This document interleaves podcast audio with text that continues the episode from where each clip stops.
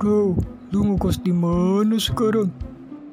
Oh, gue di seberang kantor. Lebih bagus, ada AC, TV, air hangat, sama kamar mandinya di dalam. Wih, mantep. Sebulannya berapa?